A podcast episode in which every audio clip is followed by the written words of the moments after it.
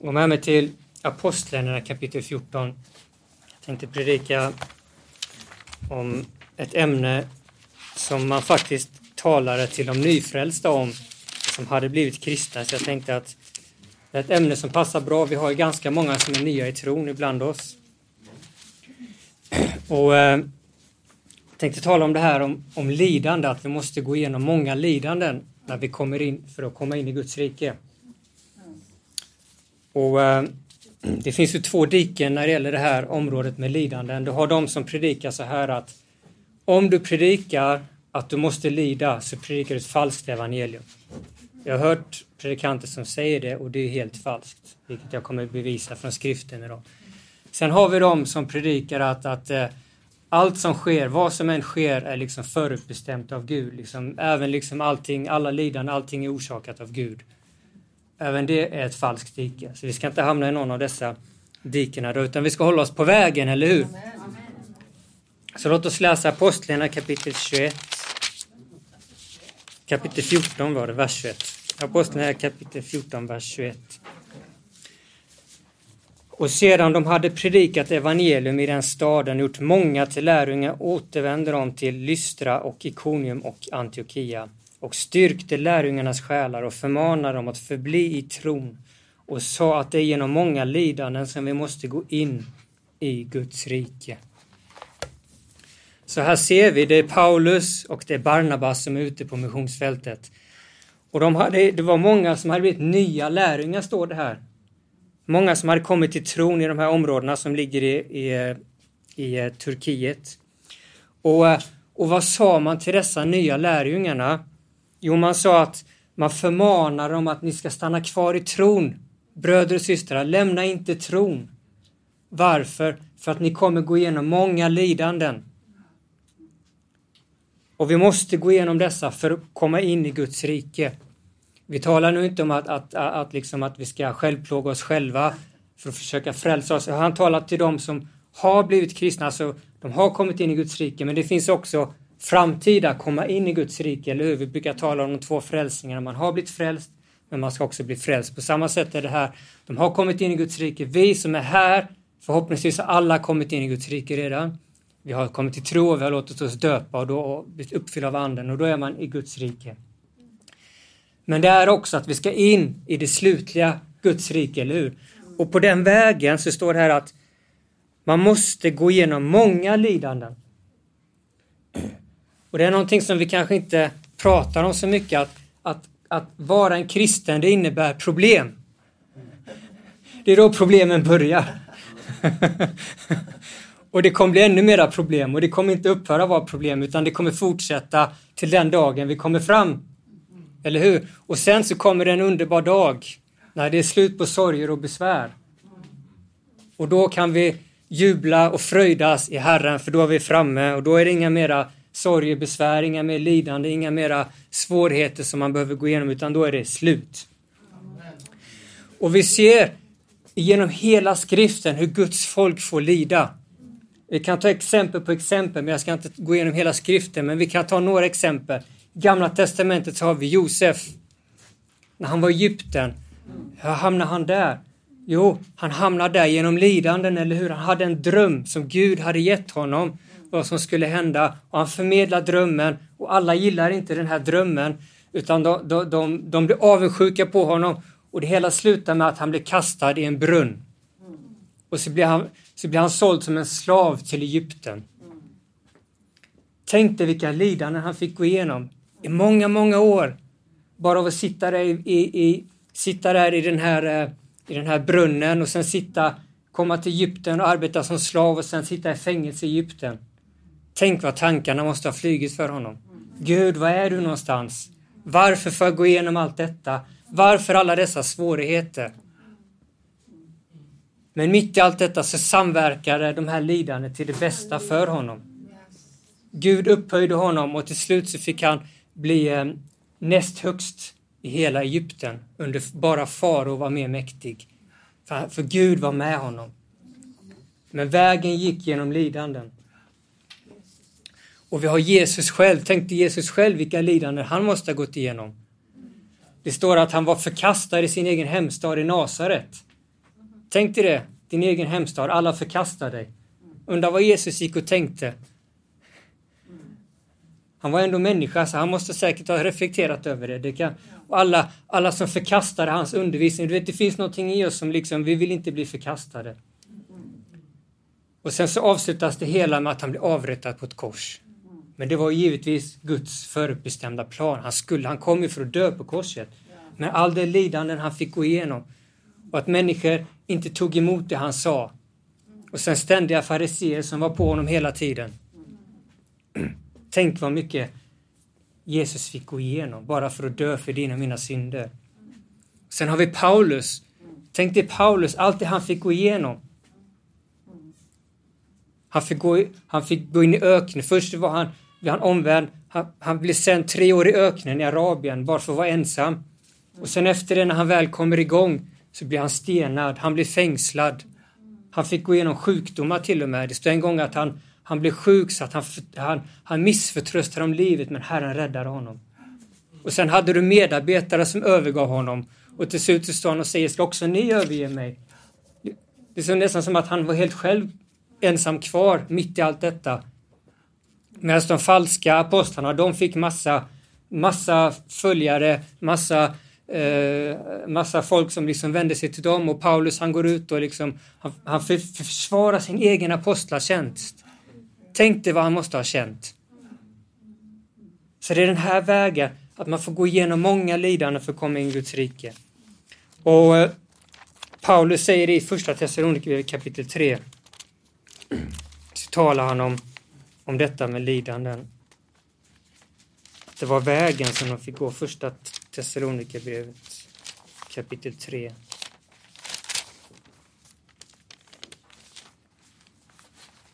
Vers, vi kan läsa från vers, ja, vers 1.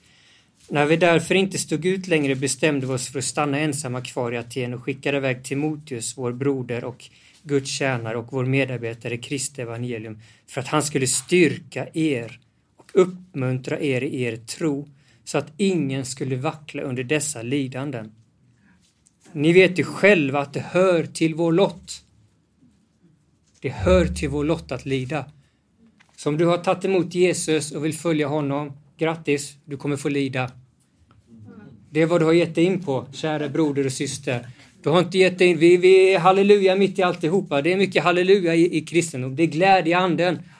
Men det är också lidanden. Det är det som har lagts på din lott. Här kommer Josef, den lidande Lövdin. den skriver jag på visitkortet. ja, vers 4. För när vi var hos er sa vi i förväg att ni skulle få lida, vilket också har skett, och ni vet det. Så här ser vi, det här är vad apostlarna predikade. Ett lidandets evangelium, ett lidandets budskap. Och det finns många orsaker till att vi måste gå igenom lidanden. Och jag ska gå igenom några orsaker varför vi går igenom lidanden och varför de är nyttiga för oss och varför det är någonting bra för oss. För det kan låta väldigt tungt. Åh, oh, jag måste lida. Men halleluja, det finns någonting gott i detta. Det är för vårt bästa. Och en sak är att tron måste prövas. Gå med mig till första Petrus kapitel 4.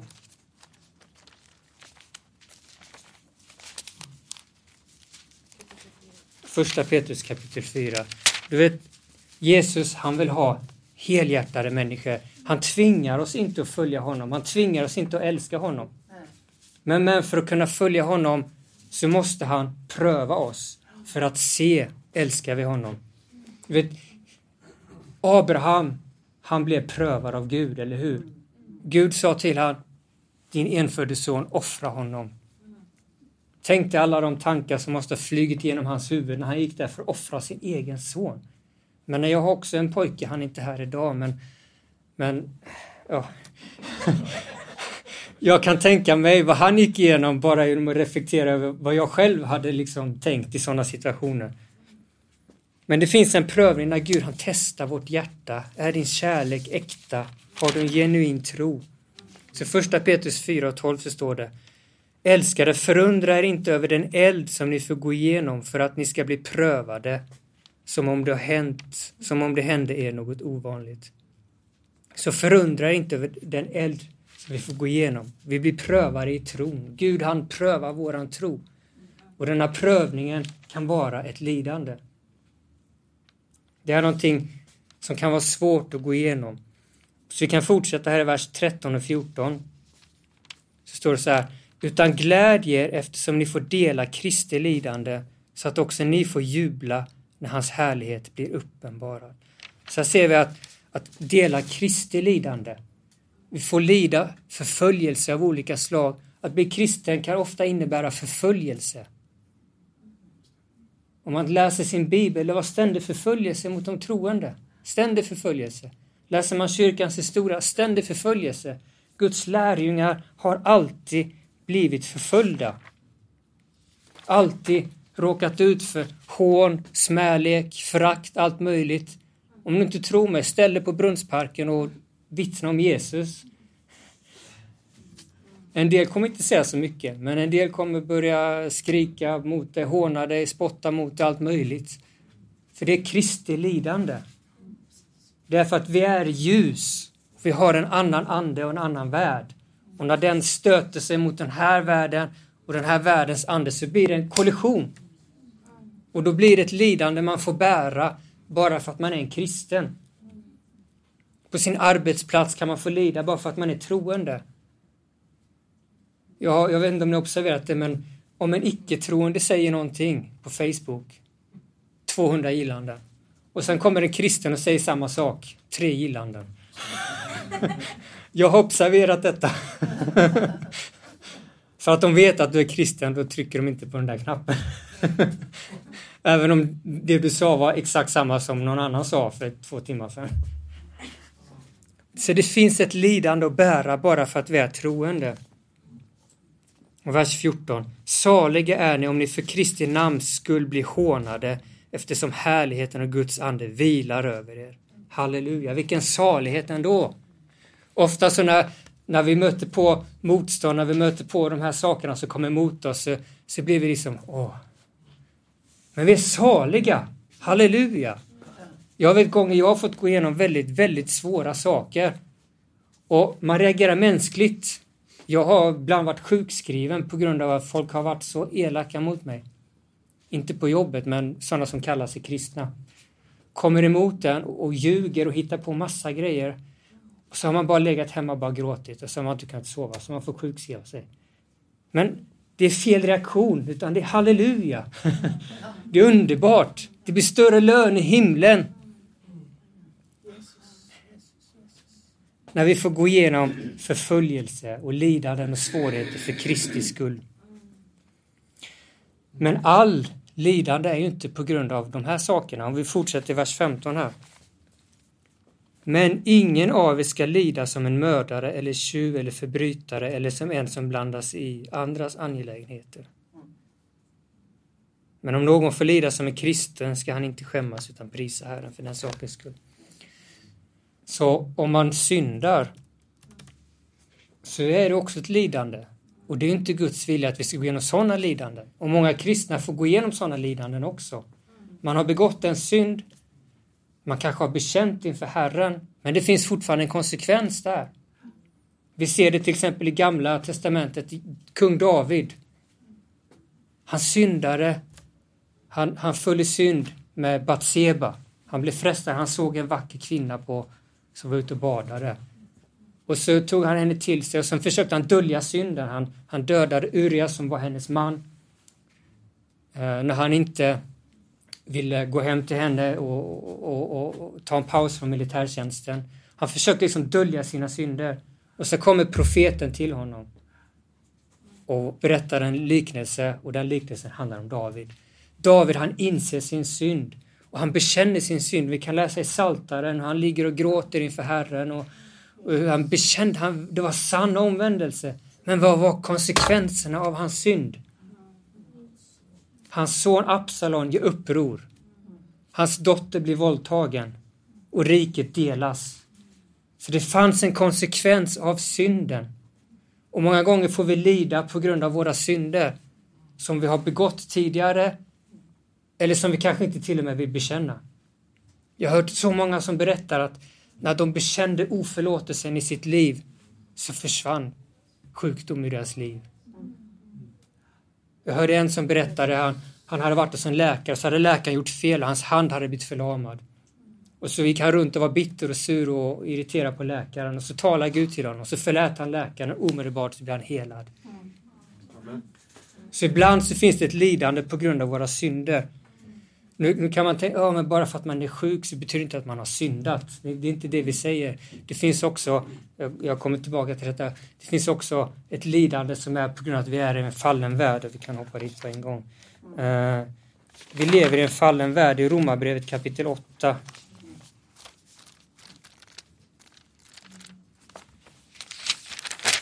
Vers 18. För jag menar att denna tidens lidanden inte är jämför, inte att jämföras med den härlighet som ska uppenbaras i oss. För en brinnande längtan väntar skapelsen på Guds söners uppenbarelse. Skapelsen har blivit lagd under förgängelsen, inte av egen vilja utan på grund av honom som lade den under den förhoppningen. Att skapelsen också en dag ska bli befriad från förgängelsens slaveri till Guds barns härliga frihet. För vi vet att hela skapelsen tillsammans suckas och våndas ända till nu. Så till och med träden här ute, de suckas och våndas över allt elände. De lider också och de ska bli befriade en dag. Så det finns en, en, en, ett lidande i den här världen på grund av att synden har kommit in. När Eva och Adam syndade, vad blev konsekvensen? Jo, alla männen får jobba med möda och besvär, eller hur? Och kvinnan får föda barn med smärta. Hur många av er kvinnor som har fått barn har fått barn utan smärta? Ja, det var inte en enda hand. Och det är ett lidande på grund av att vi är i en fallen värld. Så all lidande vi får gå igenom, all, all, all kanske sjukdom, smärta eller saker vi får gå igenom beror inte på synden. Utan det beror på att det är en fallen värld. Och det är sånt vi får, och vi får gå igenom dessa saker för att vi ska kunna ha ett bättre hopp i Jesus. Vi ska kunna längta till eviga livet. Men det finns också en annan orsak i Romarbrevet kapitel 5.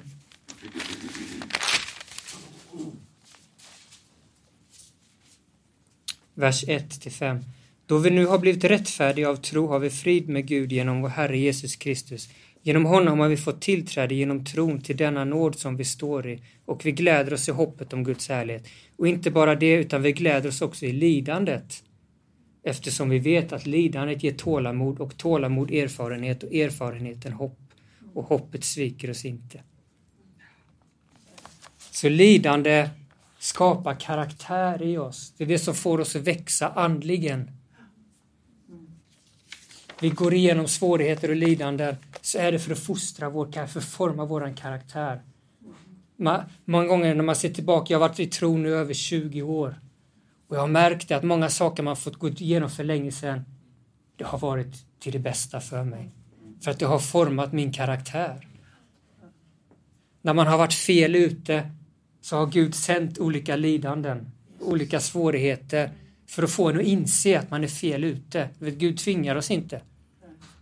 Men han kan få oss att inse att man är fel ute så blir det någonting bra i slutänden. Det kan, man kan omvända sig och man kan komma till insikt och så kan karaktären formas. Så kan vi växa i Kristuslikhet. På grund av de här lidandena som vi får gå igenom. Så det är någonting fantastiskt att få egentligen, även om det är jobbigt att genomgå lidande, så är det någonting gott för oss i det långa loppet.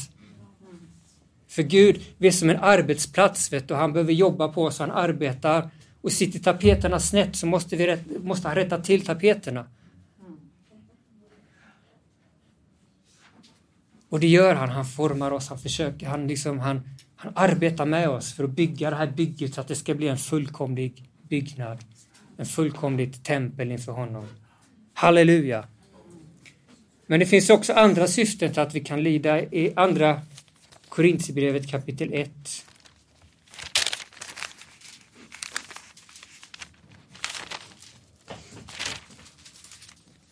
Vers 3 till 4 så står det så här.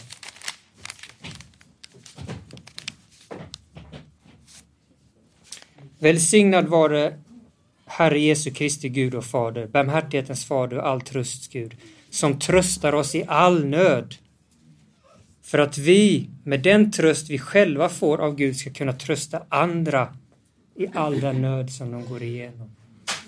Så Gud kan låta oss gå igenom lidande bara för att du ska kunna hjälpa en broder och syster om fem år. Som går igenom samma saker.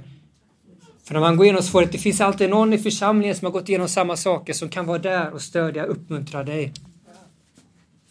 Så därför så kan det vara någonting positivt. Och det är någonting positivt, många av de sakerna du går igenom. Tänk dig själv allt det som du får gå igenom idag. Om 20 år så kanske det är någon broder där som du får hjälpa. Ja, men det här har jag gått igenom. Det här vet jag, men hallå, det här kommer bli till någonting bra i slutändan för dig. Det här kommer liksom, du kommer ta dig igenom detta. Och sen om vi läser vidare här, andra Korinthierbrevet kapitel 2, vers 1-8 så står det För vi vill inte bröder att ni ska vara okunniga om den nöd som vi ut, fick utstå i Asien. Vi blev så nedtyngda, nedtyngda långt över vår förmåga så att vi till och med misströstar om livet. Ja, vi hade inom oss själva fällt dödsdomen över oss för att vi inte skulle förtrösta på oss själva utan på Gud som uppväcker de döda. Han som har räddat och räddar oss ur en sådan dödsnöd. Till honom har vi det hoppet att han även i fortsättningen ska rädda oss. Så här var de i trångmål. De misströstar om livet. Men Gud han räddar dem. Och vad var orsaken? Jo, han säger det. För att vi inte ska förtrösta på oss själva. Gud vill att vi ska förtrösta på honom till 100 procent. Och hur åstadkoms det? Jo, genom att vi hamnar i situationer när vi måste förtrösta på honom. Vet, världen de vill alltid förtrösta på allting annat. Ofta förtrösta på sig själv. Ja, jag klarar mig jättebra, jag klarar mig jättebra min, på, på mitt sätt. Men Gud, han vill att vi ska förtrösta på honom. Han vill att vi ska hållas ödmjuka. Som Paulus med törntaggen. Cecilia har redan läst den versen, men i kapitel 12, vers 7, så, så ser vi att Paulus han fick en törntagg. Och han bad till Gud att ta bort den här törntaggen. Det var ett lidande för Paulus dag ut, dag in har den här törntaggen och det är diskuterat mellan olika teologer vad ett törntaggen är. Men vi lämnar det för den här predikan, men det är i alla fall ett lidande. Oavsett vilken slutsats du kommer till så är det någonting han fick dras med och han ber till Gud, Gud ta bort det här lidandet. Och vad säger Gud? Nej, min nåd är tillräcklig för dig eftersom att kraften fullkomnas i svagheten. Så när vi är svaga, då blir Gud stark, då blir Guds kraft stark i oss. då kan Guds kraft flöda genom oss. För att vi är svaga oss själva och vi har vår förtröstan på vår Herre Jesus Kristus och inte på någon annan. Och det är det vi behöver, vet du. Vi behöver Guds kraft. Jag har märkt det i mitt egna liv att, att ofta när man ska predika eller göra någonting så får man ofta gå igenom någon svaghet eller någonting man ska förtrösta på Herren liksom, precis innan. Liksom. Jag blev påmind, i, bara den här veckan blev påmind två gånger om att man måste förtrösta att man behöver någon annan. Först fastnade mina nycklar i soptunnan. Jag fick stå där ute i nästan en timme och vänta. Och sen igår så var det ett elavbrott hemma. Och då kände jag, första gången så behövde man beroende av att någon kommer att ta bort de där nycklarna. Andra gången var beroende av att någon kommer att kopplar på det eller hjälper mig med att få igång elen igen. Och det talar till mig om att vi har ett beroende av Gud. Det här var mänskliga saker. Men det talar till mig att, att vi ska ha vårt beroende av Gud hela tiden. Av Jesus Kristus. Så att vi inte ska förtrösta på oss själva utan på honom. För det är hans kraft och hans styrka, det är då vi åstadkommer allting. För tänk dig själv, Jesus, vilken kraft han hade när han predikade. Det står att han var inte som någon skriftlärda. Det var något speciellt när han talade, det var en auktoritet över honom. Och det var ju för att han är Gud, eller hur? Men han gick också igenom lidanden. Och Paulus också, han säger, jag vill inte veta av någonting annat än Kristi kors. För det var där kraften fanns. Och Bibeln säger att, att den som vill följa Jesus, han måste bära korset. Vi kan inte vara Jesu lärjungar om vi inte bär korset. Och vad innebär att bära ett kors? Det innebär två saker. Dö från dig själv. Jesus dog på korset. Och den andra aspekten, det är att lida. Det är de sakerna som vi måste gå igenom innan vi kommer in i Guds rike. Och den här uppmaningen, det är viktigt att vi vet detta så att vi förblir i tron. För många lämnar tron när lidanden kommer. Jesus sa det i en liknelse. I Lukas 8 och 11 så säger han att de tror till en tid, de tog emot ordet med glädje och de trodde till en tid. Men när sedan lidande och svårigheter kom så kommer de genast på fall. Varför? För att ordet hade inte haft rot i deras hjärtan. Så ordet måste slå ner och bli rotat i våra hjärtan. Vi måste förstå de här sakerna så att vi inte kommer på fall när vi får gå igenom lidande. För det är då, när svårigheterna kommer, när lidan kommer, det är då man vill lämna vägen. Det är då man vill säga, nej Gud, du finns inte. Och det är då man liksom vill börja förbanna Gud. Jobb, han fick gå igenom många svårigheter. Hans barn dog, han blev sjuk. Men i allt detta så syndade han inte med sin tunga. Herren gav och Herren tog. Välsignat vare Herrens namn. Och det är Guds vilja med oss också, att i allt detta så ska vi fortfarande prisa honom. Halleluja. Amen. Tack Jesus. Prisar och lovar dig. Du som är konungarnas konung och herrarnas herre. Jag ber Fader att vi ska få styrka och genomgå det som vi får gå igenom. De som får gå igenom lidanden, att du ska ge dem styrka i allt detta och ge dem uthållighet. Jag ber om detta, Fader. Amen.